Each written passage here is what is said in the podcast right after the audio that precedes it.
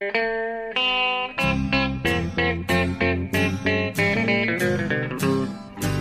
out there, we're on the air. It's hockey night tonight. Tension grows, the whistle blows, and the puck goes down the ice. The goalie jumps and the players bump, and the fans all go insane. Someone roars, Bobby scores at the good old hockey game.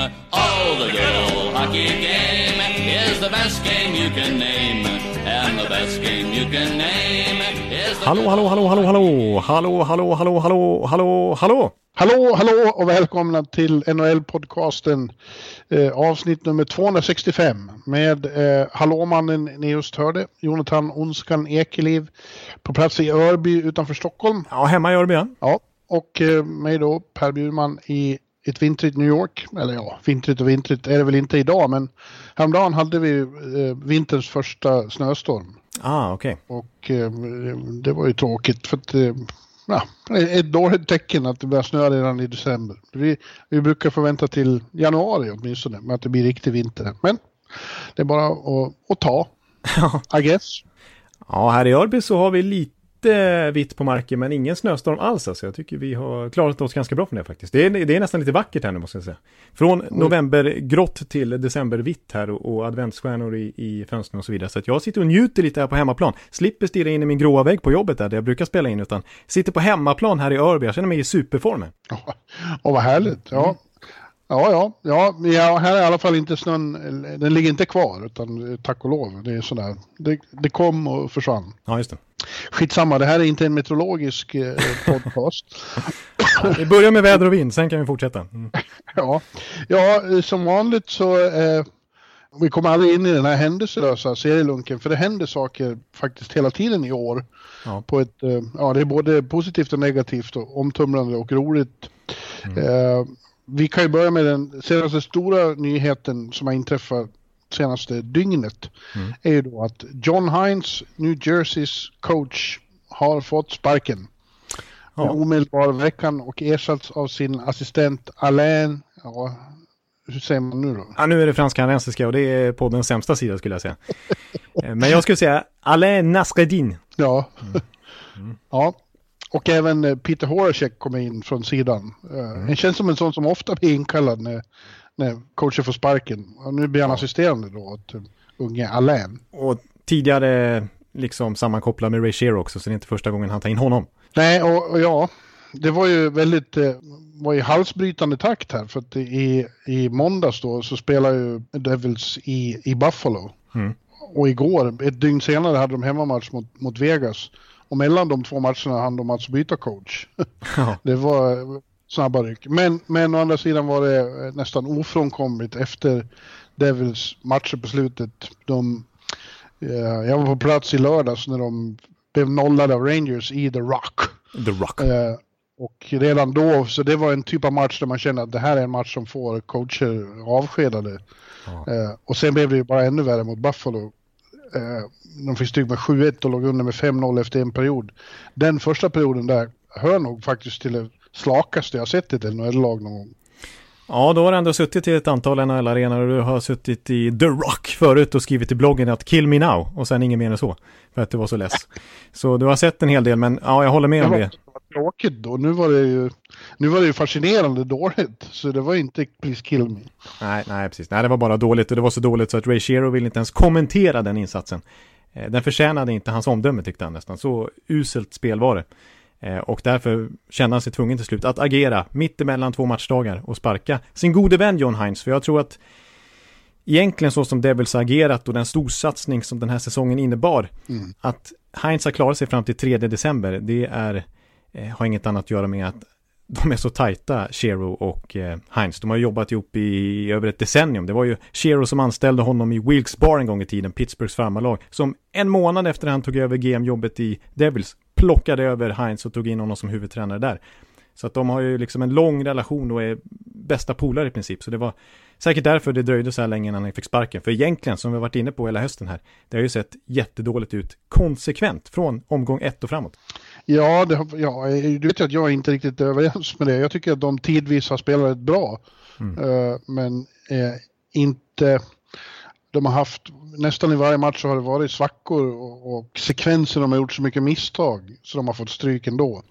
Eh, men ja, det var ju framförallt här på slutet, det, det, golvet gick ur helt enkelt. Eh, samtidigt är det inte så att, det, alltså, när det ser ut sådär då brukar man ju eh, prata om att coachen har förlorat laget, att de inte längre vill spela för honom. Mm. Men så kändes det inte på reaktionerna igår. Eh, de var ju genuint chockade över att han hade fått gå. Det kändes uppriktigt. Ja. Eh, och, och de, gav, de gav mer uttryck för dåligt samvete än lättnad. Att de kände att det var de som hade förlorat jobbet åt honom. Ja. Eh, och det ligger nog mycket i det. Jag är inte hundra på att det här är hans fel i bara. Liksom. Ja. Utan att det verkligen är spelarna som har underpresterat. Och igen, de har ju ingen målvakt. De har ingen första målis. Och, och då är det väldigt svårt att vinna. Ja, exakt. För det är väl kanske det absolut stora grundproblemet. Det finns mycket problem i spelet och svackorna de kommer in i mitt i matcherna som du säger. För jag håller med, visst de, de har sviterna och spelar väldigt bra också, där man ser den här enorma potentialen. Det finns ju en väldig kvalitet i laget, men just målvaktssidan när man kastar in puckar ibland. Det går inte att förlita sig på Louis Domingue som första keeper som är någon slags nödlösning nu, eller Blackwood är ju inte riktigt redo och Corey Schneider, hans förfall är ju gigantiskt. Det måste mm. man ändå säga. Nu har han stått några matcher i AHL. Är 85% i där med? Ja. Så att eh, han är ju tyvärr slut alltså. Det är de här ljumskproblemen och så vidare han har haft har verkligen ställt till det. Men det, det, som jag, det som ändå är återkommande och som kanske är spelarnas fel, men också något slags systematiskt i gruppen som gör att, att de inte klarar av att vinna matcher, det är ju det här med kollapserna i tredje perioderna. Inte bara en kollaps i, i, i, första perioden som mot Buffalo där, utan ser man generellt sett på tredje perioderna mm. den här säsongen. Målskillnaden, period för period, om vi kan ta det så. Första perioden minus två den här säsongen, det är inte så farligt, det är okej. Minus sju i andra perioderna, ah, inte så bra, men kanske inte allra längst ner i botten. I tredje perioderna, New Jersey Devils, klart sämst. Minus 21 i tredje ja. perioden den här säsongen. De är ju klappkassa när det ska knytas ihop matcher eller när det ska hämtas upp underlägen. Det är, eh, det är det som är det stora problemet. De har, det är, har etsat sig fast en liten förlorarmentalitet den här hösten. Så, så är det blivit. Det är mycket av det där som är mentalt och, och det är ju spelare som har underpresterat grovt och som spelar sämre än vad de borde göra med PK Subban och Sami Vatanen och Taylor Hall i spetsen. Ja. Uh, men alltså grejen är ju att när det blir så här som det har blivit nu, det finns ju inga det finns ju inget annat att göra än att, än att försöka. Man måste få till någon förändring och då är det ju coacher som ryker. Det går inte, ja det går ju, men, men det är ju inte genomförbart att börja trada en massa spelare nu som av Subban och Vatanen sorten. Det går ju inte. Nej, jag tror inte det. De är i position of strength att trada bort P.K. Subans 9 miljoners kontrakt nu och göra laget 100% bättre utan. Nej, man måste ju prova något och uh, det såg ju betydligt bättre ut då. De fick ju stryk i Vegas-matchen uh, symptomatiskt nog efter en liten kollaps i tredje perioden igen. Ja. Men uh, ja, jag skyller inte bara på Heinz alltså. Det blir ju hans ansvar det är han som måste få spelare att komma upp på sin högsta nivå. Eh, men de ska ju ha stor del av skulden själva också, spelarna. Ja, precis. Men det blir intressant att se nu hur stor förändring Alain Nesredin kan få, få till här nu. För att det är som du säger, hans reaktion var ju inte att oj, vilken superchans, nu får jag för första gången vara huvudtränare i NHL. Vilken möjlighet, utan första spontana reaktionen från honom var ju aj då, chock, tråkigt. Mm. Min gode vän, som jag tycker är en jättebra tränare, som han har varit assisterande till under hela hans tränarkarriär. Han, han började som assisterande till Heinz i Wilkes Bar i AHL där och sen följde han med honom till Devils. Så att han har aldrig varit huvudtränare själv, utan alltid haft Heinz som sin mentor. Så han kände ju bara, oj, det här Jaha, nu, nu hamnar jag plötsligt som huvudtränare och har inte Heinz vid min sida och, och kollar man bara till exempel på hur laget ställdes upp, kedjorna och backparen, så var det exakt samma som 1-7 matchen dagen innan. Så det var ja. ingen jätteförändring som Nasreddin börjar med direkt. Um, så vi får se hur stor skillnad det blir i spelet liksom med, med den här nya tränaren. Men det, var, det är ju också väldigt svårt att hinna. Han blev ju huvudcoach på ett halvt dygn. Ja, så några timmar han skulle känner, han plötsligt ta ja, över. Liksom. Mm. Jag tror inte han känner direkt att nu måste vi ändra, vi, vi får ta det här pö om pö. Ja. Och eh, framförallt handlar det väl om att skaka om alltihopa och det lyckades ju delvis då med att de var ju betydligt mer skärpta. Mm, de klev ut i första perren och sköt 17 skott till exempel. Ja. Mm. Så att, ja, du vet, jag har ju hela säsongen har jag fortsatt tro på Devils fast du har varit mer negativ än vad jag har varit. För att, mm. Jag har ju varit där en del och jag har, som jag säger, jag tycker jag har sett positiva tendenser och eh, nu, nu får jag väl säga att jag har gett upp om den här säsongen. Jag har svårt att se att de ska göra en, en eh, St. Louis. De, jag tror inte de har någon Jordan Binnington att trolla fram ur rockärmen. Nej, det verkar inte så. Nej. Ja, det, det, får ju, de får ju börja titta hur bittert det än känns redan i början av december och börja titta på framtiden igen. Det är ju en svår missräkning när man har satsat så hårt som de gjorde i somras. Ja. Eh, men det är ju så de måste göra nu och då kommer vi in på eh, automatiskt på nästa ämne som du är eager på att få prata om igen och det är ju Taylor Hall då. Ja, precis. Eh, exakt, Taylor Hall. Vi har ju redan pratat om trade kring honom och det har vi väl gjort ända sedan i somras egentligen när det menar, när det inte blev något nytt kontrakt. Då när de hade tid på sig att förhandla, det går ju ut nästa sommar då. Och det är ändå en, det är liksom årets UFA-story. Mm. Men om det var Erik Karlsson här för något år sedan och John Tavares och, och Steven Stamkos 2016 och så vidare så är det ju Taylor Hall-året nu. Och man sig ordentligt i somras, delvis för att övertyga sin storstjärna, sin gamla MVP då från 2018 att skriva på ett nytt fett kontrakt med klubben där, men nej, nu går det trögt och eh, Hall och hans agent Ferris har ju aviserat att det kommer inte förhandlas någonting under säsongen, utan det blir först i sommar. Och det lutar ju åt att han kommer gå till den öppna marknaden. Och då, när Devils ligger i den position de ligger, 10 poäng från slutspel, så är det väl läge att kika på en trade. Och nu har det ju faktiskt kommit uppgifter från tyngsta håll, alltså Elliot Friedman, från Chris Johnston, från Pierre Lebrun och så vidare, att nu har faktiskt Shero på riktigt börjat eh, eh sondera terrängen, höra, skanna marknaden och kolla med andra general managers, vad är ni beredda att ge upp för att trada till er den här superstjärnan? Ja, Ja, det måste han ju göra så han inte hamnar i Tavares situationen. För, för det som hände i Islanders händer ju inte alla. Liksom. Man kan inte bli av med en, en sån stor spelare i deras situation och bara låta honom gå. Eh, Columbus var i liknande situation i fjol, men de gick ju all in på, på, liksom, på att satsa på slutspelet. Mm. Uh, och skulle, mm. skulle Devils vara i den situationen så skulle de kanske kunna behålla honom, men nu är de ju inte det. Nej, precis, utan nu känns det som att det är läge redan nu och Eh, det kommer ju till och med liksom uppgifter om att nej, de kanske inte ens väntar till deadline utan de kanske gör den här traden nu, kanske inte i december men i januari liksom. Är lite proaktiva ja, och... och då kanske värdet är ytterligare eh, högre. Ja, varför inte liksom. Mm. Får, man, får man ett bra napp någonstans tycker inte jag det finns anledning att vänta. Nej, precis. Och, och sen spekuleras det också om, vilket man måste lägga till också, att, att Devil Sochero är beredda att kanske behålla ganska stor del av lönen. Man kan ju behålla upp till 50 procent och då skulle hans capita gå ner från 6 miljoner som just nu till 3 miljoner dollar. Och då öppnas ju marknaden för fler lag, till exempel contenders som har ont om löneutrymme. Det snackas till exempel om Boston. Tänk om de skulle trada till sig till håll. Tänk oh, Nashville till exempel. ja. ja. Eh, Men du, St. Louis vad, vad skulle... som ersätter till Tarasenko. Mm. Innan vi börjar titta på vilka, vilka som skulle vilja ha honom, vilket väl nästan är alla contenders. Ja, det tror jag. Mm. Vad, vad tror du Devils vill ha i utbyte? Vill de ha bara framtid eller vill de ha något som är färdigt eh, och använda nästa säsong? Det pratas väl lite grann om att man jämför den här situationen med lite grann Mark Stone i fjol att det kanske blir en comparable. Då fick ju eh, Ottawa Erik Brännström, en riktig elitbacktalang i, i utbyte.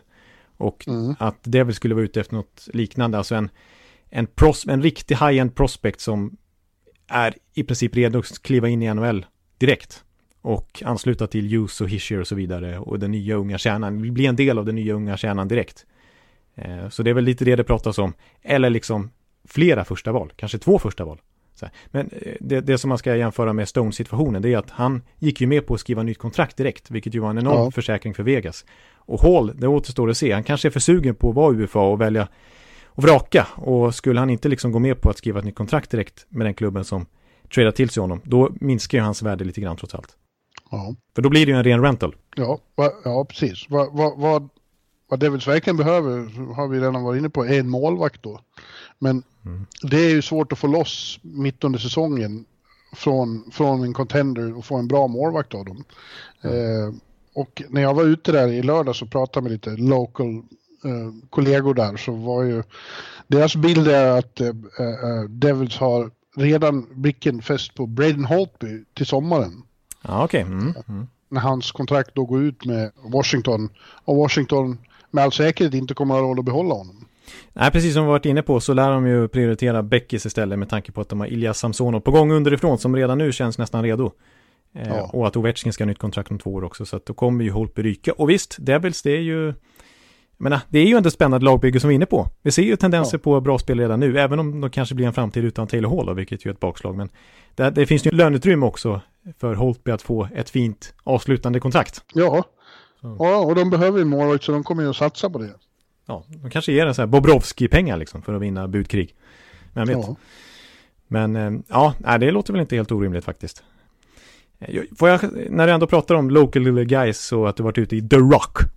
Så, mm. så tänkte jag att jag ska slänga in en liten känga här till Devils-publiken också. Nu kommer ondskan Jaha. fram. Ja. Jaha. Nej men eh, apropå just Hall så eh, han har ju varit ute och svingat lite själv mot, mot publiken här under hösten. Visst, de har ju spelat dåligt så de har väl kanske inte förtjänat det starkaste publikstödet men de är ju kända för att vara ganska krävande ute i The Rock och bua mycket och sådär.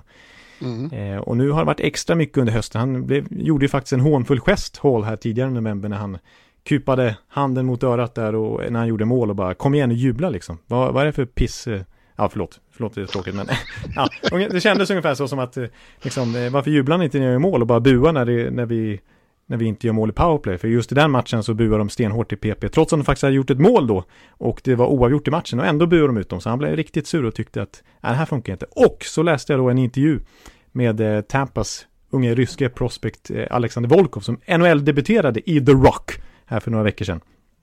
Eh, gjorde sin första match där och det var en, en intervju som har översatts från rysk media som läste häromdagen.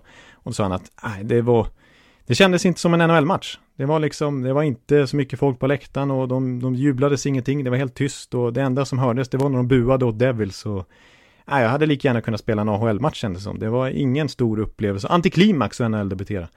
Och eh, någon, någon, match senare så, så spelade han i Nassau istället mot Islanders och då upplevde han NHL på riktigt. Där var det stämning, där var det tryck, där var det stöd.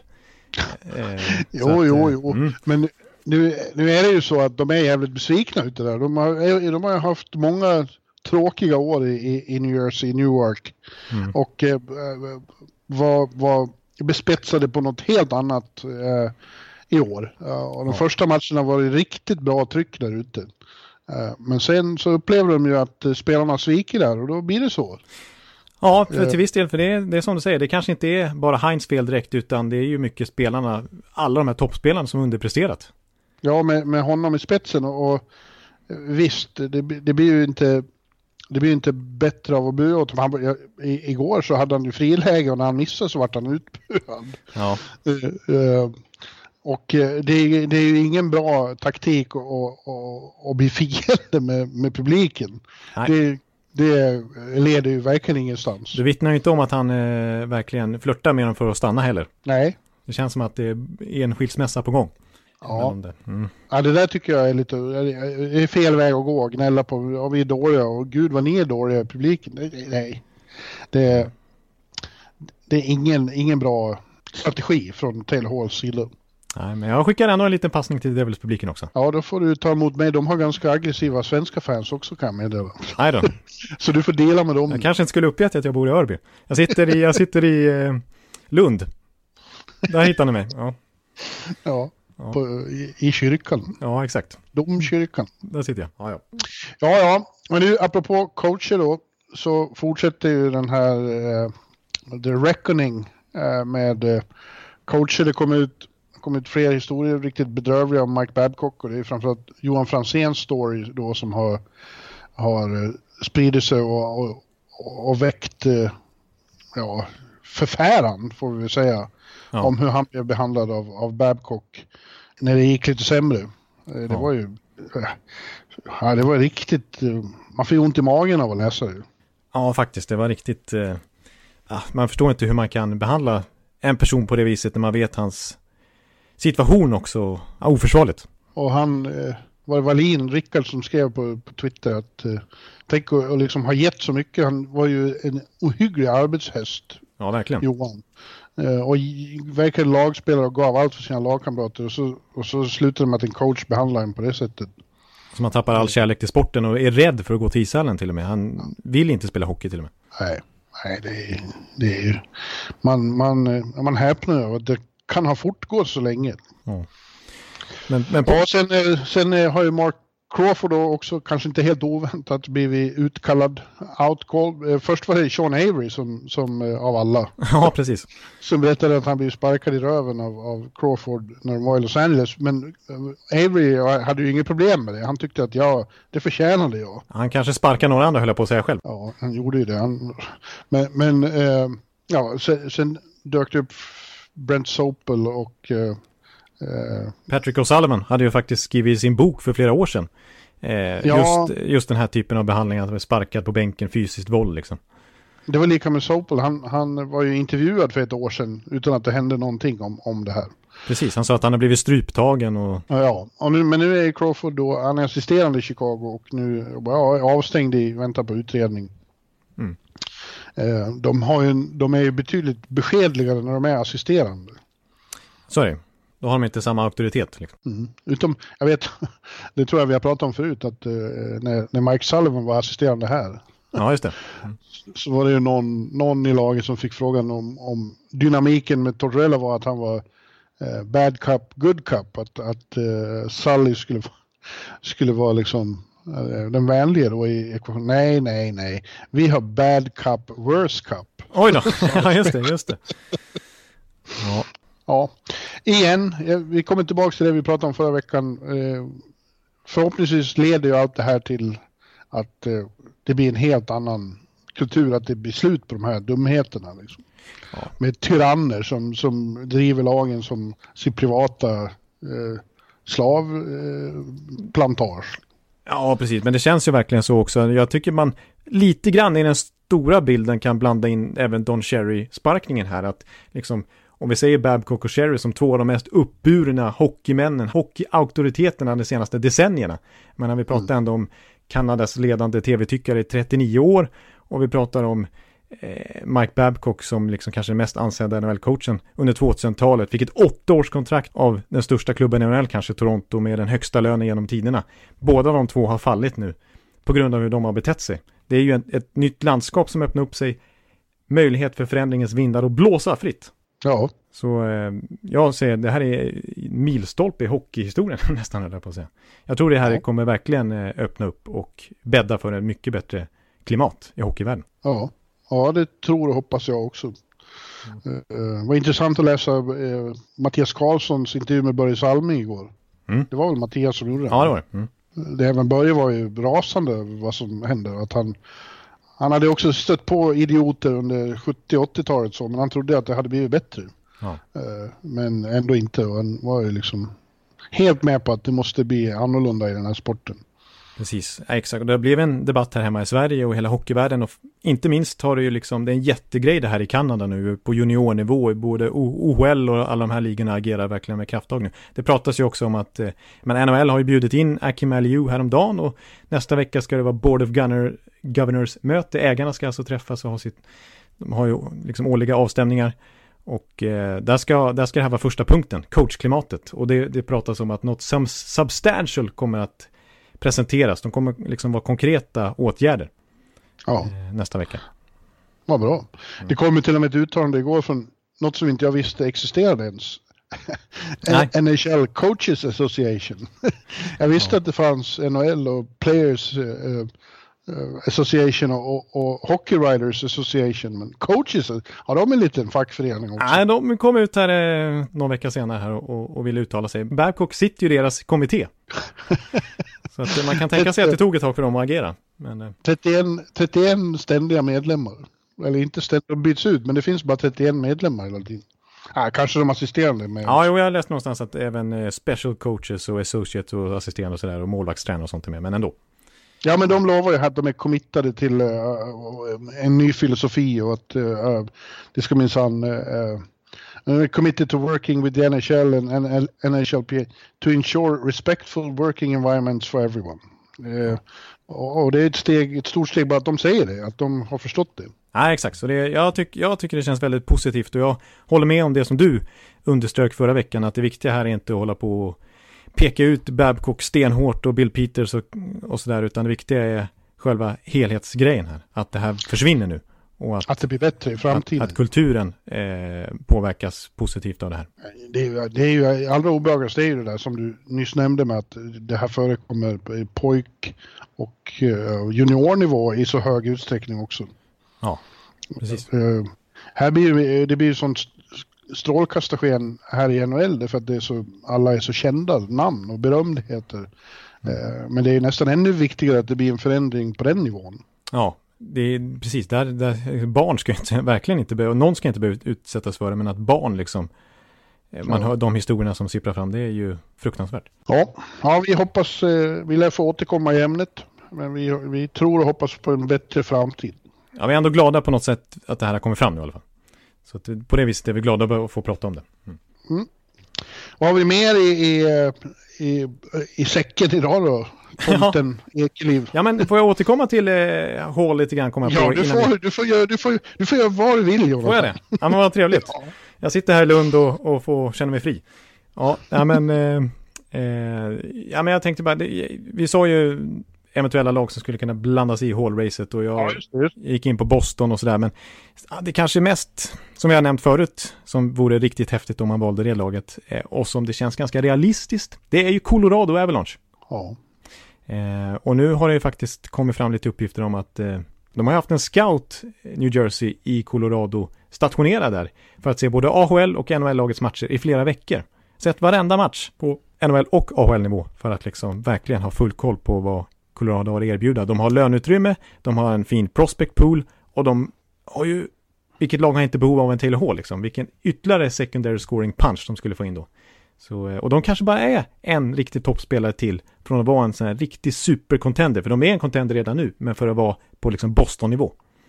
Jag tycker det känns hyperintressant. Ja, ja, alltså Colorado är ett otroligt imponerande lag för mig. Uh, I och med att de har haft de här så enormt mycket skador och fortsatt prestera på, på sån extremt hög nivå. Alltså, när det var som allra värst, då var tio forwards mer eller mindre eh, satta ur stridbart skick.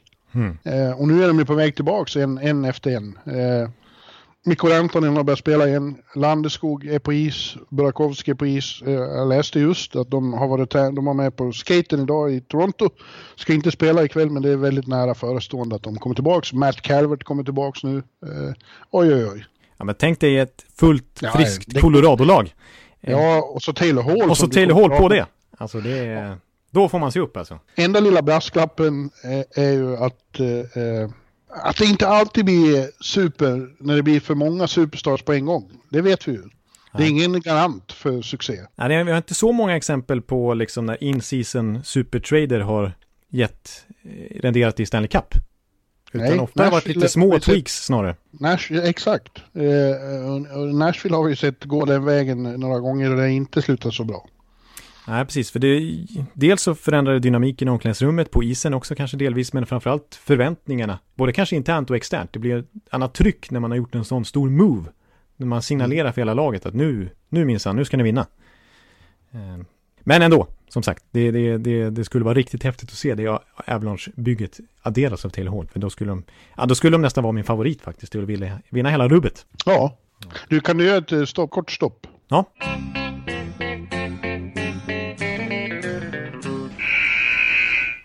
Eh, en lite kort break, men jag vill bara säga en till sak om Colorado som jag tycker är, är häftigt. Apropå Taylor Halls New Jersey då, som inte kan stänga igen tredje perioder. Det här unga Colorado-laget som kanske borde vara lite ofärdigt fortfarande. De är bäst i ligan på att eh, hålla tätt i tredje perioderna. 16 mål på 26 tredje perioder har de släppt in. Det är bäst i hela NHL. Så att de vet hur man vinner matcher. Ja. Imponerande. Ja, det, ja, ja jag, jag, tycker de, de är ju ett av... Det är ju några som har stuckit iväg och blivit elitlagen i år och de är ett av dem. Ja. Boston, Washington Islanders, eh, St. Louis och Colorado. Möjligen Edmonton. Och så Dallas var åtminstone på väg ditåt ett tag. Ja, ja där har ni Bjurmans eh, contenders. Ja, vi kommer komma tillbaka på det, för det, det är ju första, första avsnittet i december månad. Så vi kommer, och vi har ju utlovat eh, awards varje, varje månad. Eh, Ja. Och det kommer i det här programmet. Men vi ska bara gå in på lite andra saker först. Vi, vi eh, följa ditt eh, körschema nu, Jonathan. Ja, Jag tänkte komma in på Buffalo. ah, okej. Mm, det är bra. Eller vad hoppar jag för? Hoppar jag Nej, men det går bra. Det går bra. Det går bra. Tack Det ska går du bra. ha. Tack ska du ha. Den, den spelare du tänkte eh, prata om, eh, nu blir det lite rörigt här, men det tänker jag att vi kommer till när vi gör eh, awardsen. Ja, okej, bra. Eller hur? Ja, jag vet vad du tänker på. Mm. Ja. Ja, men jag ville bara säga det om Buffalo, att jag tycker det är en intressant utveckling med dem. De är tillbaka på slutspelsplats nu, tredje plats i Atlantic.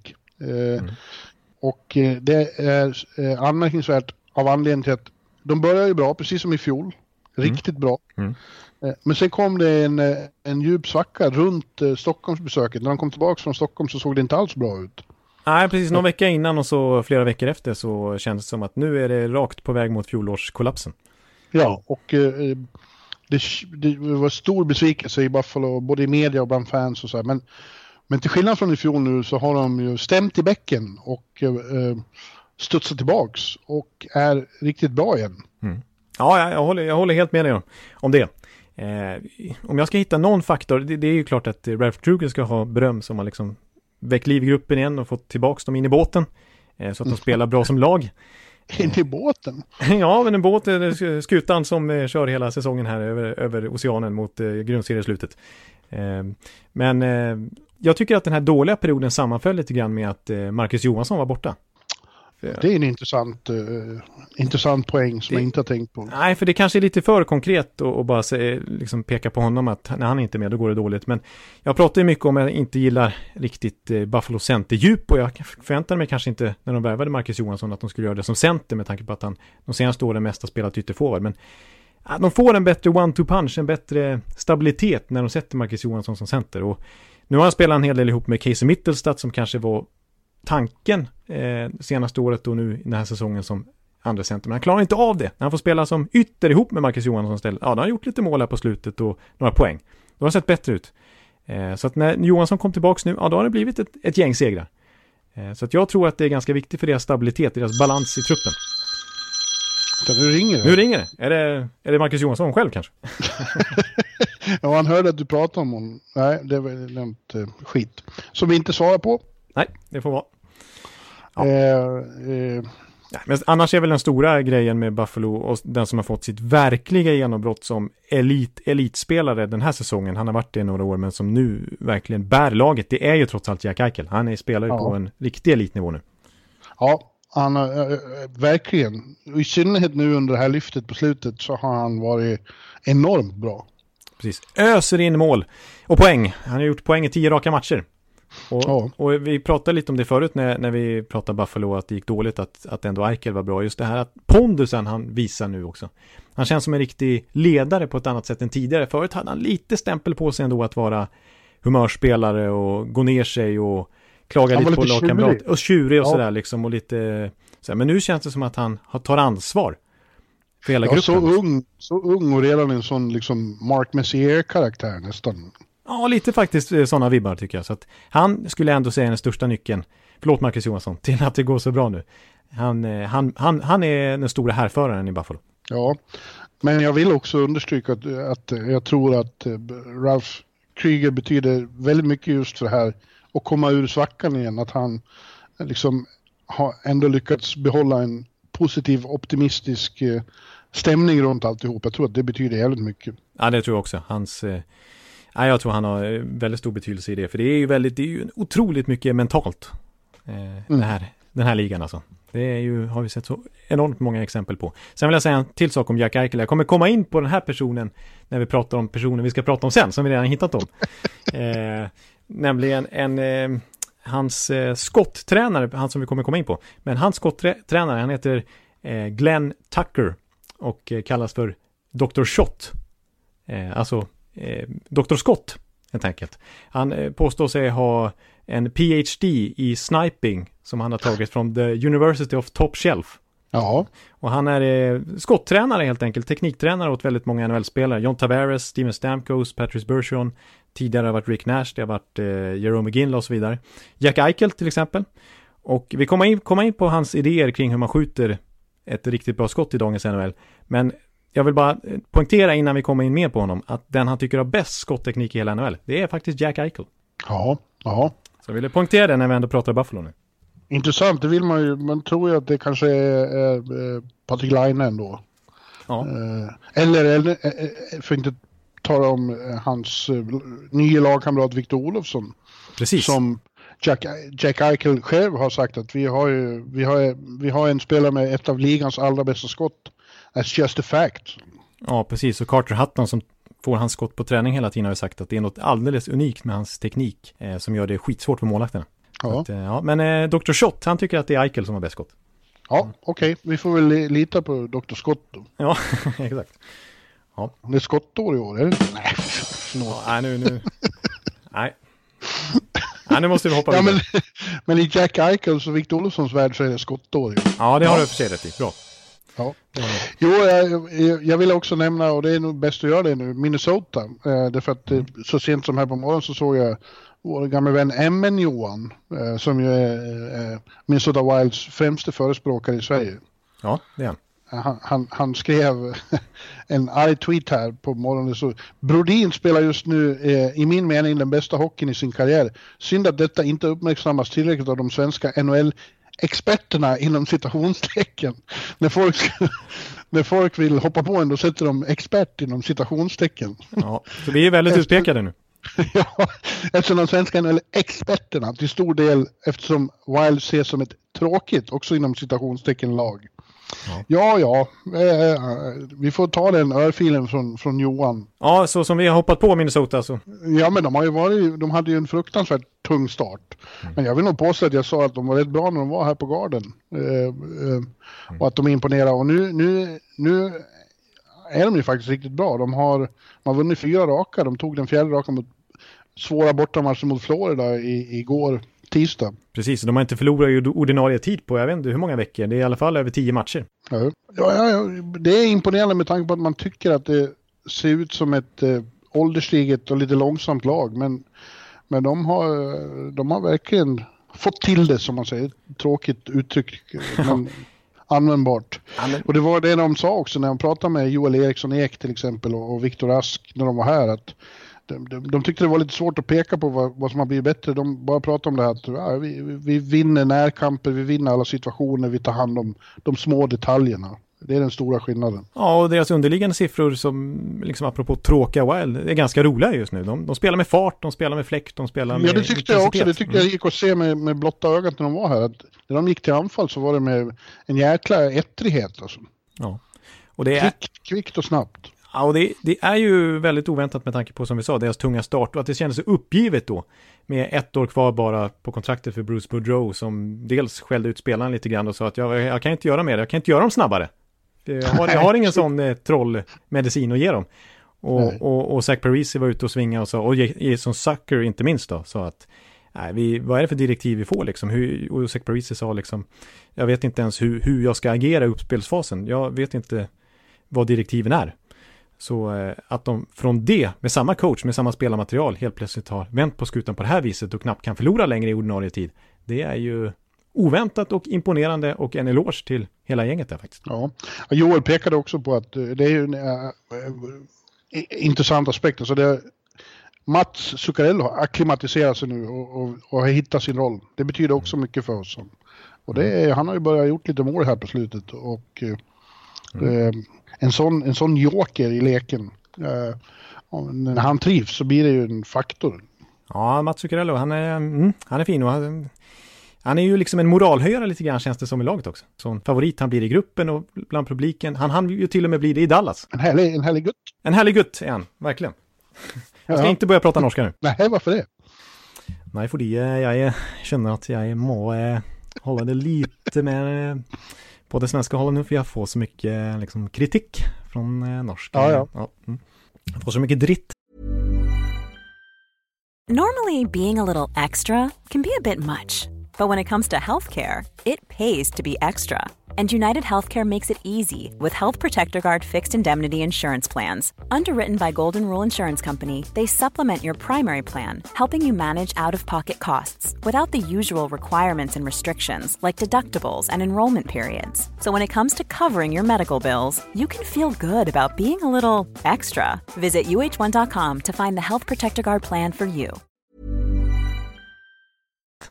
Vi gräver vidare i din säck då. Var Ja, hamnar vi då? Ja, ja, vi kan väl nämna något om, Ja. om, om St. Louis lite grann. Annars tänker jag att vi ganska snart går in på våra awards. Faktiskt. Men vi kan Ja. väl säga att det, vi har redan nämnt St. Louis i podden nu, men det är ju imponerande. Det här laget som ju borde haft en liten Stanley Cup hangover. Att eh, återigen vara så väloljade, vara sån lagmaskin och ja, vara ett topplag och en riktig contender nu, ja, nu igen. Ja. Och spela Ja. som det även i början på säsongen. Liksom. Ja, och eh, även de har ju tunga skador liksom. Mm. Eh, Tarasenko är borta hela säsongen, men nu är Sunken borta och Alex Sten och, och, och flera. men då har de den här för, otroliga förmågan att bara fasa in andra som gör jobbet i princip lika bra. Precis, jag undrar om de inte har den här gamla australiensaren Nathan Walker i första kedjan nu. Det säger ju allt liksom. Ändå så vinner de matcher och nollar motståndare och sådär. De är otroligt svårspelade. För det är ju ja. Craig Berubis eh, maskinella struktur där som, som bara funkar ja. oavsett kugghjul. Ja, jo han spelar med eh, Jaden Swartz och Braden Chen där. Mm. Eh, men alltså, nu när Sten och Sunken och sådana är borta så det, det har ju även klivit fram sådana som inte har med. Jakob spelar bra i en fjärde kedja med Troy Brower som har dykt upp där. Och Mackenzie McEachern, eller hur man uttalar hans namn. McEachern, jag vet inte hur man säger. Ja. En, en spelare som ja, aldrig riktigt fått någon större cred i NHL och som tradats hit och dit och alltid återvänt till St. Louis för det är där han trivs bäst och gör bra ifrån sig. Det är ju faktiskt David Perron som kanske gör sin bästa säsong just nu. Ja, han har ju framförallt eh, avgjort många matcher på övertid. Exakt. Eh, och är ju ledare i interna poängligan där, en poäng per match hittills. Ja, jag tycker det är kul att, att det går bra för honom. Och jag tycker det är kul att Jakob Delarose får, får chansen att spela i ett så bra lag. Precis, får lämna ligans sämsta lag i Detroit ja. till eh, ja. kanske det bästa. Ja. Men du, apropå, apropå lag som vi pratar för lite om. Mm. Så hade uh, vår vän Tad, Tadson en, en riktig rant i, i bloggen igår, i spåret. Om att, uh, att han tycker att Capitals uh, får alldeles för lite uppmärksamhet just nu. Att det nämns knappt alls. Och, och uh, någonting ligger i det. Att de seglar lite under radarn fast de är topplag i öst. och, ja, och de sopar till San Jose igår på bortaplan. Ja. Eh, också utan, utan då Beckis till exempel. Eh, men jag antar att det här beror på att vi är så vana vid att eh, Washington är så här bra så att man, man liksom nästan glömmer bort dem. Ja, precis. De är ju en riktig... De har ju ett gäng President's Trophy liksom. De är ju alltid ett topplag i grundserien och har ju blivit det i slutspelen också. Efter den ja. där. Men, men nej, exakt. Det, det är som att man räknar med det. det, är, det man räknar liksom med att Ovechkin är med i toppen av skytteligan och att eh, de har ett helt gäng spelare som producerar poäng och är liksom John Carlson borde nästan få ännu mer uppmärksamhet. 40 poäng på 28 matcher av en back, det är liksom unheard of i det dagens era. Men eh, ja. ja. det är klart han har fått uppmärksamhet, men det glider lite grann förbi ändå på något sätt. Det, det är liksom, de är, de är så bra och har varit det så länge, flera av de här spelarna och laget, så att man glömmer bort att prata om dem. Ja. Men, men, det är ju bara ett, ett här... supertecken. Det är bara grattis eh, Tadson att du lyckas hålla på ett så bra lag. Ja, precis. precis. Du, nu kommer den här klassikern, jag ska gå och hämta kaffe. Du kanske kan underhålla publiken med lite sång, tycker jag. Tycker jag ska sjunga ännu igen? Ja, jag går och hämtar kaffe, ja. Oj då. Ja, någon sång. Eh, vad, ska jag, vad ska jag ta då? Det, nej, det vet jag inte om jag, om jag har i mig riktigt alltså. Eh, Ja, vi älskar detta landet som stiger fram. Fy... Nej, jag kan inte ens melodin på den där. Ja. Sitter du och sjunger national... norska nationalsången? Ja, ja, nej, jag måste släppa det. ja. ja, men hör du. Ska vi gå in på eh, det som blir Awards Early December då? Det kommer väl mest att gälla vad som händer i november. Ja, precis. Eller jag tycker det är lite en uppdatering vad, vilka vi känner just nu leder de här olika kategorierna. Så det blir väl lite oktober inräknat också. Jag kommer, kommer ihåg, jag kommer ihåg ungefär vilka vi pratade om senast. Så att vi har lite återkoppling vad vi kände när oktober var slut. Men nu är det en ny uppdatering. Så här ligger det till efter två månader av NHL-säsongen. Ja, och vi börjar med, med det tyngsta priset. Eh, Hart Trophy. Most Valuable, vilket också då blir i, i allmänhet bästa spelaren just nu. Och eh, Eh, det var ju honom vi inte nämnde nyss då för att vi ville spara det till nu, men vi är rörande överens, vi och resten av världen, om att eh, den enda som kan få det här priset just nu är David Pasternak från Tjeckien. Är vi det faktiskt? Nej, jag har en annan. Va? ja, det är sant. Är du, är du galen? Jajamän. Det är bra att jag sitter i Lund idag. Ja. ja. Nej, men jag, sku, jag kan absolut köpa, och, och, men jag gillar ju att sticka ut lite grann. Men visst, Pasternak, det, vi måste komma in på honom specifikt innan jag nämner vem jag skulle ha som min kandidat. Då. Men det är ju otroligt, alltså 25 mål på 28 matcher, 2019. Ja, han gör så, han, gör så mycket mål så när de vann mot Carolina igår och han inte gjorde mål var ju det eh, eh nästan nyheten. Liksom. ja, precis. Ja, det, det, då är det så. Att... Exakt, toppnyheten i NHL. Pasternak har inte gjort mål i en match. Och eh, det är snittet, alltså Holland är snittet, vilket ju orimligt, det kan ju inte gå. Men, men då, då kommer han sluta på över 70 mål va? Ja, då blir det upp mot 75 mål. Det är ju helt eh, sjukt. Eh, han är en en av endast fyra spelare i NHL-historien som gjort minst 12 mål i två raka månader här för att inleda säsongen. De andra som gjort det, det är Wayne Gretzky, det är just Lemieux och det är Mike Bossy. Ja. Och så då David Pasternak liksom. Det är den kategorin av målskyttar han adderar sig till. ja, och de spelade i en era när det verkligen gjordes mycket mål. Ja, Det precis. är inte han. Nej, exakt. Så det är det som är coolt. Snart ska jag komma in lite på Dr. Shot som har mycket att säga om eh, eh, David Pasternak. Eh, Ja, men det, det vill jag höra. Jag vill bara säga att eh, jag som är mer eh, eh, feeling, feeling kille. ja, ja, Jag tycker att det underbara med, med, med han är att man ser ju på honom att han har så fruktansvärt roligt när han spelar hockey. Det är en riktig spelevink alltså. ja, Det har man ju märkt utanför isen under finalen i, i, i fjol så var han, eller jo, ja. nej. i somras. Jo, Ja. i somras så var han, eh, han var ju underbar att följa. Han var ständigt underhållande och, och, och skratta oavbrutet genom finalen. Eh, och det känns ju som det är så på isen också. Han är ju bara så, tycker det är så fruktansvärt roligt med hockey.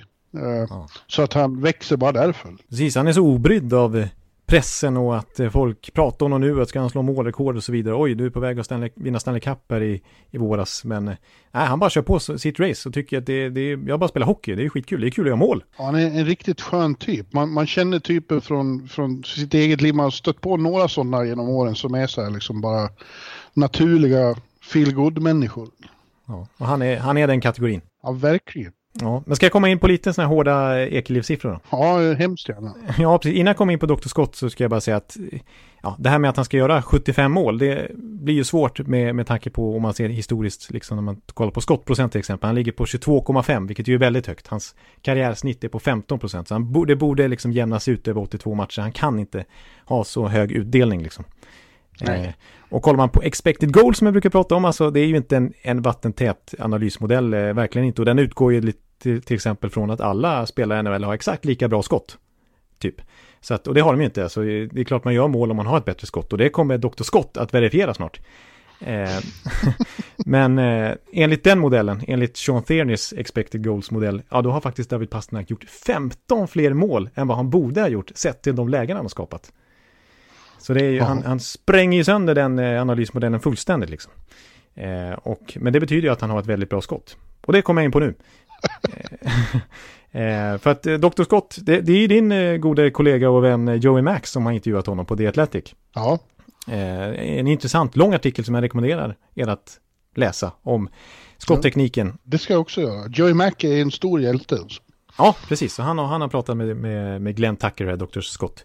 Eh, och säger att eh, ja, det, det han lär ut, för han är ju liksom en individuell skotttränare som som sagt har haft många storstjärnor i sitt, som adepter. Och eh, han tyckte faktiskt att Pasternak, när han kom till honom första gången, att det var en av de sämsta han har haft. Alltså, det var inget bra skott. Vilken dålig teknik du har. Du kommer inte göra mycket mål i din NHL-karriär. Det här måste vi ändra. Tyckte han faktiskt som David Pasternak. Det han predikar och tycker att är extremt viktigt i dagens NHL, inte minst när man har så kort om tid på sig, det är att faktiskt att skjuta med tån av klubban, alltså spetsen, längst fram. Eh, inte med hälen eller, så, eller trycka från med hela klubbladet eller trycka ner klubban i isen innan man skjuter, utan det ska vara en väldigt minimal kontakt med isen och det ska vara utgå från eh, tån av klubban. Och då jämför han, varför då till exempel? Jo men, ska man få en snabb snärt, eh, tänk dig själv när du ska hoppa till exempel. Hoppar du liksom när du ska studsa och ta ett språng, gör du det med hälen eller tar du språng från främre delen av Det foten? gör jag, väl. Det gör jag väldigt Ja, sällan. det gör du ju visserligen alltså, du, du, du, vet, du har glömt bort, men, men det är ju oftast liksom med, med främre delen av foten som man hoppar och han menar att det är samma sak med, ska du få en bra snärt i skottet snabbt, då är det med främre delen av klubban du ska använda. Och så menar han då till exempel att eh, det måste gå snabbt också för att du ska få en snärt också. Tänk dig en, eh, att du, eh, liksom, det ska inte vara som ett passagerarflygplan som lyfter från en lång landningsbana utan det ska vara som en eh, jet, eh, jetplan som lyfter från ett kort eh, startsträcka på ett hangarfartyg. Det ska liksom vara en kort nudd på isen bara och sen bara rakt iväg. Ja, Och eh, det är någonting, det, alltså kollar man på, på Pasternaks mål det, och googlar upp dem eller youtubar upp dem under den här säsongen så ser man extremt mycket tydliga exempel på det. Han skjuter väldigt snabbt och han använder spetsen av klubban när han skjuter. Och han väldigt minimal iskontakt. Så kolla på Montreal-målet han gjorde härom, härom natten till exempel. Det är, det är ett typiskt sånt mål faktiskt. vilket härligt nörderi Jonathan. Ja, och då, då ska jag, som kontrast, som kontrast till Pasternaks skott, så kan jag nämna då att, eh, vilket jag förvånar mig väldigt mycket, den som, nu överdrev han ju Dr. Scott här, men, men han ville bara illustrera. Den som han tycker har typ sämst skottteknik i NHL, vet du vem det är? Nej. Alexander Ovechkin. Jaha. det var ju oväntat alltså, men han överdriver lite grann. Men han tycker, det, han tycker då att Ovechkin borde kunna göra mycket mer mål. Han skjuter ju så otroligt mycket skott. Han kommer till fantastiska lägen. Mina underliggande siffror pekar ju på att Ovechkin är den som skapar flest, han har överlägset flest, eller högst expected goals i NHL. Mm. Eh, för mm. att han skjuter så mycket och för att han kommer till så farliga lägen hela tiden. Men han borde göra mycket mer mål sett till de chanserna. Och det gör, han har ju liksom, han ligger ju... Det är bara kapp. ja, precis. Alltså han, tycker, han säger att det är liksom, han skjuter för mycket på chans. Det är inte tillräckligt mycket teknik och tillräckligt mycket tanke bakom hans sätt att skjuta. Skulle han... Så är det ju säkert, men om man nu ändå gör mellan 50 och 60 mål så, så känns det inte som att det är något jätteproblem direkt. Ovechkin är ju, har vi kommit fram till, den bästa renodlande målskytten i NHL genom tiderna. Ja. Eh, så att det, det är hårt av Dr. Scott att ge sig på honom. Men kanske har han en poäng i alla fall att, att det finns lite fortfarande att slipa på för ryssen. Och att han skulle kunna göra ännu mer mål. Tio till per säsong kanske då. Ja, faktiskt. Ja, eller också så ska man inte eh, fucka med, med, med sådana artister. Eh, det, det, går ju att förstöra genom att... Och, eh, Peta för mycket. Ja. Få dem att börja tänka istället för intuitivt. Ja, exakt. Det vet man inte. Ja, exakt. Så, så kan det vara också. Eh, men om man jämför till exempel deras skottprocent så ligger Ovechkin genom karriären en bit lägre än Pasternak. Så att det finns då, liksom Pasternak har ett riktigt bra skott numera. Medan Ovechkin kanske skulle kunna få ut ännu mer av sin teknik. Men jag håller med dig. Alltså, gör man 50 mål per säsong så kanske man inte ska förändra för mycket. Nej. Nu, nu går vi vidare, men vi kom långt ifrån Hart Trophy här. Ja, precis. Nu börjar jag prata om eh, tån på klubban och så vidare istället. Och, får, får jag gissa vem det är du har egentligen då? Ja. Spelar han i Colorado? Det gör han. Ja, så det är Nathan McKinnon. Ja, det är ju inget, ja, hoppas jag. Du kanske menar, du kanske menar, eh, jag vet, vad vet jag, Jonas Donskoj? nej, nej, jag menar Nathan McKinnon. Så är det bara. Ja, som har tagit, eh, vi pratade förut om hur imponerande det var att de trots alla skador är så bra. Och mm. det är ju huvudsak tack vare honom det.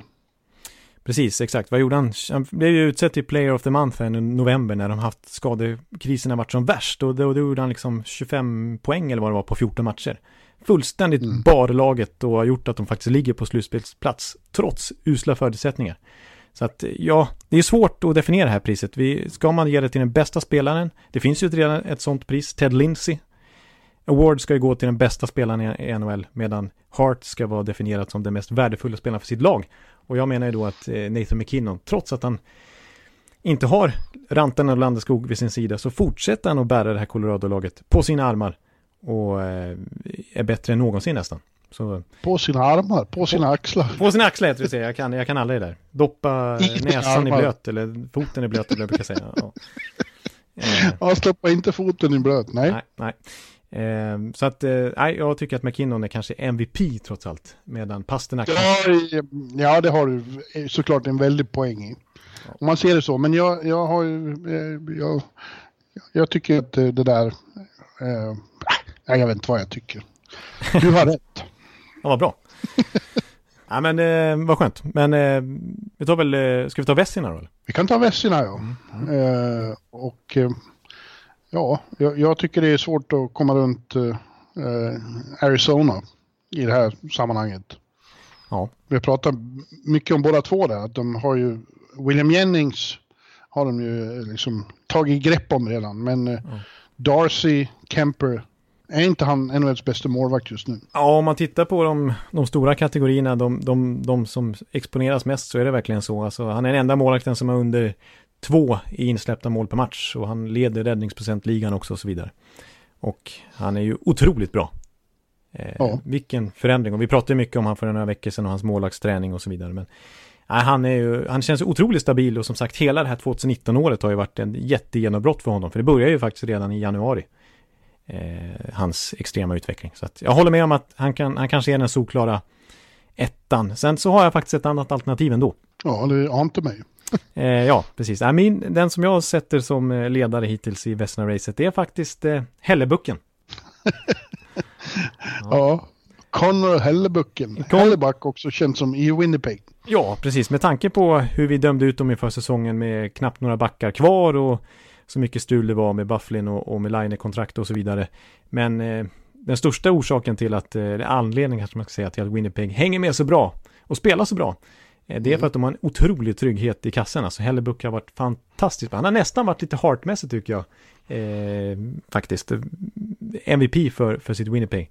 Eh, och ligger ju, skuggar ju Kemper precis bakom i alla de här kategorierna. Och när det kommer till underliggande siffror, där ju ofta gold saved above average lyfts fram. Alltså hur många, en modell som räknar ut hur många liksom mål man har räddat eller släppt in fler än vad man borde ha gjort sett till League average. Och det här är en jättekrånglig matematisk modell som jag inte tänker reda ut så att det blir lite luddigt. Men enligt den modellen i alla fall så har han räddat 14 mer mål än man borde ha gjort. Alltså han borde ha släppt in 14 fler mål än man har gjort. Eh, vilket är klart bäst i NHL. Det är, det är fyra fler än tvåan som är just Darcy Kemper. Den som är sist med 19 fler insläppta mål än han borde ha släppt in. Det är, det är din gubbe, Sergej Bobrovski. ja, med min fantasy-målvakt. Ja, det är säsongens grövsta besvikelse. Ja, faktiskt. Inte bara för eh, New York Dolls utan för, inte minst för Florida Panthers. Jag tror det är allvarligare för dem än för mig. Ja, det är möjligt. Det är möjligt att de drabbas ännu värre. Jag kommer faktiskt komma till Winnipeg i en annan kategori. Jaså? Och nu, nu blir du, för nu vart du fundersam. Spännande, spännande. Ja, jag kan säga att mitt, mitt alternativ efter oktober, det var i alla fall eh, Pekka Pinne. Och han Mm. har ramlat av pinnen sedan dess. Han, eh, Fram till igår då. Han var jävligt bra mot Tampa igår. det var han faktiskt, det var han faktiskt. Men eh, annars har ju målvaktsspelet varit eh, strulat ordentligt för Nashville i november framförallt. Fram till dess hade han ju inte förlorat en enda match i oktober. Det var Nej. därför jag lanserade honom som mitt alternativ då. Men nu är han inte ens med i contention.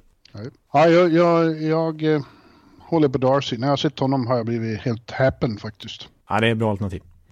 Norris då? Norris Trophy är intressant därför att vi har redan nämnt John Carlson och han gör en helt otrolig säsong och, kanske är det han som är liksom ja, sopa hem det här redan. Men, men en spelare som kommer även i nästa kategori vi ska prata om är ju faktiskt också Norris eh, eh, värdig. Ja. Eh, I Cale McCarr då. Ja, faktiskt. Det, det är så pass. Han har varit ruskigt bra alltså. Han är rookie. Gjorde några få matcher i slutspelet i fjol och kommer in och, och, och bara dominerar. Men helt obekymrat. Precis. Spelar som, spelar som en liksom världsklassback som har varit i ligan i, i 7-8 år. Precis, han är helt eh, obekymrad. Han har enorm pondus på isen. Han har blicken uppe hela tiden. Eh, ja, jag, tycker, jag tycker det är häftigt att se. Och vilken skridskoåkare han är. Jag har ju sagt det förut någon gång, men jag tycker att han är lite Nathan McKinnon explosiv, fast back. De känns lite som samma spelare, fast på varsin position. ja. Väldigt imponerande.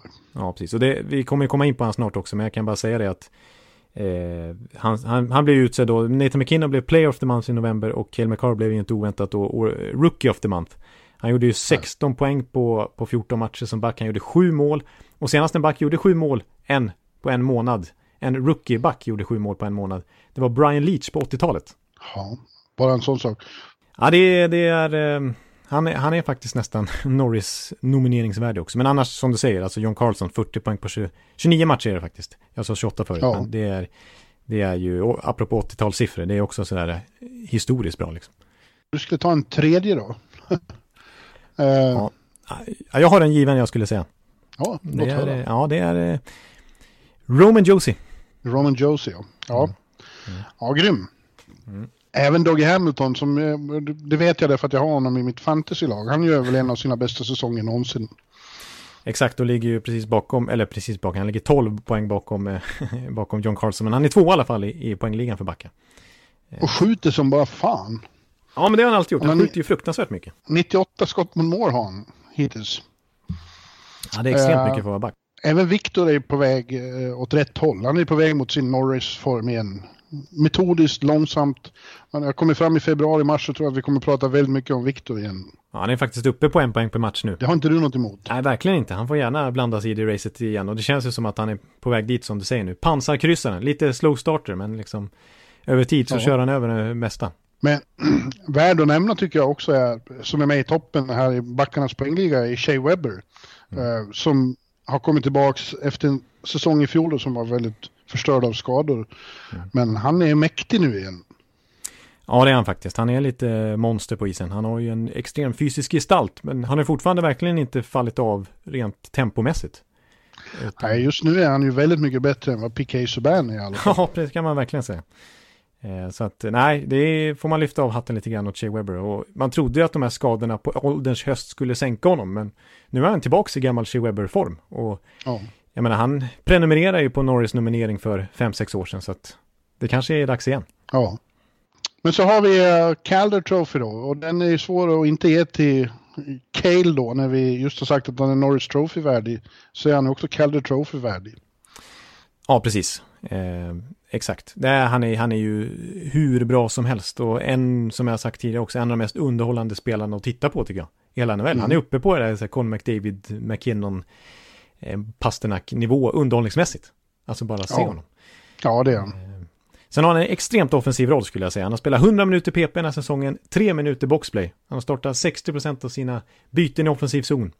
Till exempel, så att han används ju verkligen eh, för att producera poäng också. Och det gör han ju, så det är klart han ska ha den rollen. Det är, mm. det är ju, han används ju helt rätt av Jared Bednar. Ja. Värt att peka på en svensk dock också tycker jag. Och det är Victor Olofsson som leder rookiesarnas målliga med 11, 11 fullträffar. Ja. ja.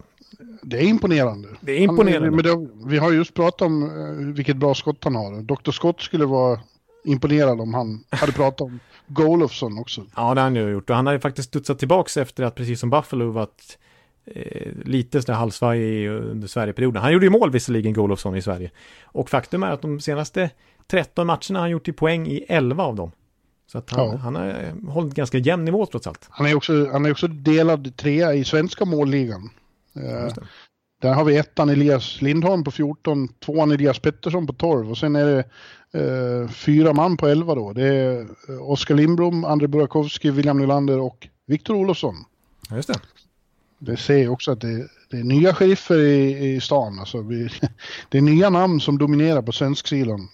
Ja, det är inte samma gäng som för bara två, tre, fyra år sedan. Nej. Utan nu är det, nu är det en ny svensk generation. Ja.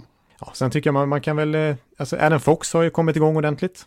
Hypad inför säsongen. Eh, Nechas har ju varit bra i, i Carolina. Nick Suzuki som jag dömde ut lite i början av säsongen att eh, det var samma gamla Montreal och att man får vänta lite till på deras unga garde. Men, men Suzuki har gjort det bra nu. Eh, och, sen och Quinn Hughes i, Quinn i Hughes. Ja, ja. Han, är, han är bättre än sin bror. Precis, exakt. Och han är ändå back. Mm. Han har ju 23 poäng, riktigt starkt också. Eh, är ju verkligen en, en jättenyckelspelare redan nu i Vancouver. Eh, sen ska tycker jag att en, en, ett namn vi inte ens har nämnt i podden under hösten som är den rookie som spelar mest i hela NHL och som jag tycker definitivt är bidragande till Edmontons fina inledning här. Det är att eh, de yt, fått in ytterligare en back som de kan lita på. Det är Ethan Bear. Mm. Eh, som kanske inte gör så mycket poäng, men som är väldigt habil defensivt. Har en ganska stor defensiv roll där och spelar väldigt mycket som sagt då. Eh, så att eh, han ska nämnas också i Calder-sammanhang. Ja, det blir intressant att se vilka som blir nominerade här till in the end. Ingen av, ja, Kapokako har ju varit till och från väldigt bra, men vare sig han eller Hughes känns som de är ens nominerade nu. Nej, de känns ganska bra bit från det här racet. Eh, ja. Så såg vi kanske inte inför säsongen, men, men så är faktum efter två månader. Ja. En kategori vi har kvar då är Jack Adams, bästa coachen. Och det är, det är där jag återkommer till Winnipeg. Eh, ja. som, du, som du sa, så mycket som de som hände i somras och som hände i början av säsongen och det var så struligt för dem att, att Paul Maurice ändå lyckas eh, lotsa dem till den här positionen där de är ett av topplagen lika förbannat i, i Central. Mm. Det tycker jag är väldigt imponerande. Visst, som du påpekar så har de en väldigt bra målvakt, men de har en väldigt bra coach också.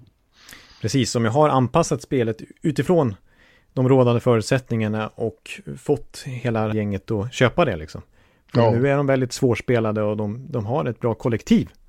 Och ja. de som följer Jets, till exempel vår goda vän Jarko som ju ser varenda match för att han vill se vad Line hittar på. Eh, öser ju beröm över Maurice och hans eh, coaching den här säsongen. Ja, ja så han, eh, han har segrat upp där. Sen är det några till som vi har nämnt flera gånger. Barry Trotz är, är omöjlig att komma runt. Mm. Dave Tippett som har förvandlat Edmonton till ett riktigt lag. Mm. Ja. Eh, Rick Tockett. ja, absolut Rick Tockett. Men även sådana som inte får så mycket uppmärksamhet för att de har så bra lag, men de coachar dem ju utsökt också. är till exempel Cassidy i Boston som jag har väldigt gott intryck av och eh, Todd Reardon hör man inte mycket om. Nej, han är också den kategorin. Ja. Eh, ja, kanske, kanske, ja vi måste ju nämna Kryger också då i, i, i Buffalo. Ja, precis. Ja, men jag, mitt alternativ får jag väl stå fast vid, för jag tycker de ser ungefär lika bra ut nu. Det laget jag sa i oktober, faktiskt, det Bruce Cassidy. Att det är dags för han att få lite erkännande. Mm. Så att jag står fast vid att Bruce Cassidy är min ledande Jack Adams-kandidat. Ja. ja, inte så dumt. Nej. Ja, får jag bara dra en annan? Nu har vi, det, det är de kategorier vi tar. Selke återkommer vi till. Den är så svår att göra mitt i säsongen tycker ja, jag. liten sample size för mina underliggande siffror också. Det gillar man inte. Ja. Mm. Nej. Nej, jag tänkte bara, jag tycker det är så kul. Jag kan inte låta bli att titta på tabellen och se vilka serier vi skulle ha om det var nu. Ja. Mm. Om slutspel börjar nu. Mm. Då skulle vi alltså ha, eh, i och med att Boston har mer Boston och Washington står på samma poäng, men Boston har en match mindre spelare och dessutom bättre row. Just det. Mm. Så de är etta. De skulle bli Boston, Pittsburgh, uh, Washington, Carolina, Islanders, Philadelphia och Florida, Buffalo. Ja, den har man inte. Det är speciellt. Florida Buffalo kanske man inte såg framför sig den här säsongen. Roliga serier. Jag, jag, vilken skulle jag åka? Ja, det skulle bli mycket Islanders Flyers att börja med då, men uh, ja, ja, ja, mycket kul. Carolina Washington i, var en bra serie i, i höstas också. Eller våras. Ja. I, I väst då skulle vi ha St. Louis, Vancouver. Ja. Eh, Edmonton, Dallas. Winnipeg, Colorado, Arizona, Vegas. Jag tror att jag skulle hålla mig ute i öknen. ja, exakt. Åka mellan Phoenix och Vegas, inte dumt. Inte dumt rent klimatmässigt. Det är nästan så att du skulle ha svårt att ta dig in på matcherna visserligen då.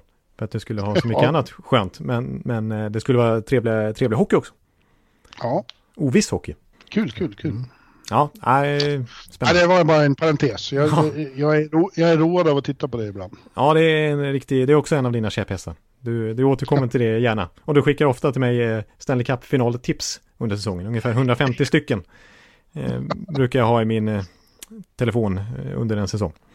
Ja. ja. Men Colorado-Boston, låter inte det som en bra final? ja, okej. Okay. Ja, tips nummer 97 än så länge. Ja, men det, det absolut, det låter bra. Det låter bra. Och realistiskt. Mm. Ja, synd nu när de får in Taylor Hall enligt dig också. Ja, exakt. Precis. Eller om nu Boston får det. Jag lanserar dem som ett alternativ också. Ja, ja, ja. Mm. Ja, men du, har du något mer på, på, på, på hjärtat? Nej, jag, ska, jag tycker vi kan runda av. Jag vill bara att du ska ge ett litet kort omdöme om The Irishman eftersom att du såg den flera gånger i rad här i Thanksgiving förra veckan. Hur många, hur många plus du vill, du vill ge den? Alltså det har ju blivit en av de mest eh, polariserande filmer som någonsin har kommit ut. Eh, de som tycker om den älskar den och beskriver den som ett cineastiskt mästerverk. De som inte tycker om den hatar den med en hetta som eh, jag tror aldrig jag har sett. Nej, nej. Ja, jag, är, jag är fan, jag tyckte den var väldigt bra. Eh, men jag är inte beredd att ge något omdöme, jag måste se den sju, åtta gånger till. Okej, okay, du, du, du, kan inte hålla på med plus än så länge, utan det, du måste nej. se den några gånger till. Fyra gånger till här, så, så, så kanske det kan komma något plusbetyg. Jag, jag tycker Joe Pesci är helt makalös, det måste jag säga. Han är fem plus? Ja, han är verkligen fem plus. Ja, ja. Mm. ja men bra, då... Eh, då tackar vi för den här veckan tycker jag och sen så på återhörande i nästa vecka. Och eh, vi antar väl att det fortsätter hända grejer i, i lunken här så att eh, vi verkligen har fortsatt massa stoff att hugga tag i. Yes. Mm. Hej då! Hej hej! Hallå hallå hallå! Hallå hallå hallå! Alex Chiazot, Joe Luis Arena och Esposito. Esposito. Uttalsproblem, men vi tjötar ändå. Och alla kan vara lugna, inspelningsknappen är på. Bjuder Hanna Kohl, han är grym i sin roll. Från korrespondenten har han fullständig kontroll på det som händer och sker. Du blir ju allt fler som rattar in hans blogg. Och lyssna på hans podd. One, two, three, speed, so Hallå, hallå, hallå. One, two, three, speed, so Hallå, hallå, hallå. Ekeliv, som är ung och har driv. Verkar stor och stark och känns allmänt massiv. Han hejar på Tampa och älskar Hedman. Sjunger som Sinatra. Ja, och det ser man. Nu är det dags för refräng. Dags för magi, Victor Norén. Du är ett geni. Så stand up at home and remove your hats. Höj volym. För nu är det plats. One, two, time, speed, målplan. Hallå, hallå, hallå. One, two, time, speed, målplan. Hallå, hallå, hallå. One, two, time, speed, målplan. Hallå, hallå, hallå. One, two, time, speed, så på målplan. Hallå, hallå, hallå. Det er utroligt længe siden mor, der samtidig var så her råd. Hallå, hallå, hallå. Det er utroligt længe siden mor, der samtidig var så her råd.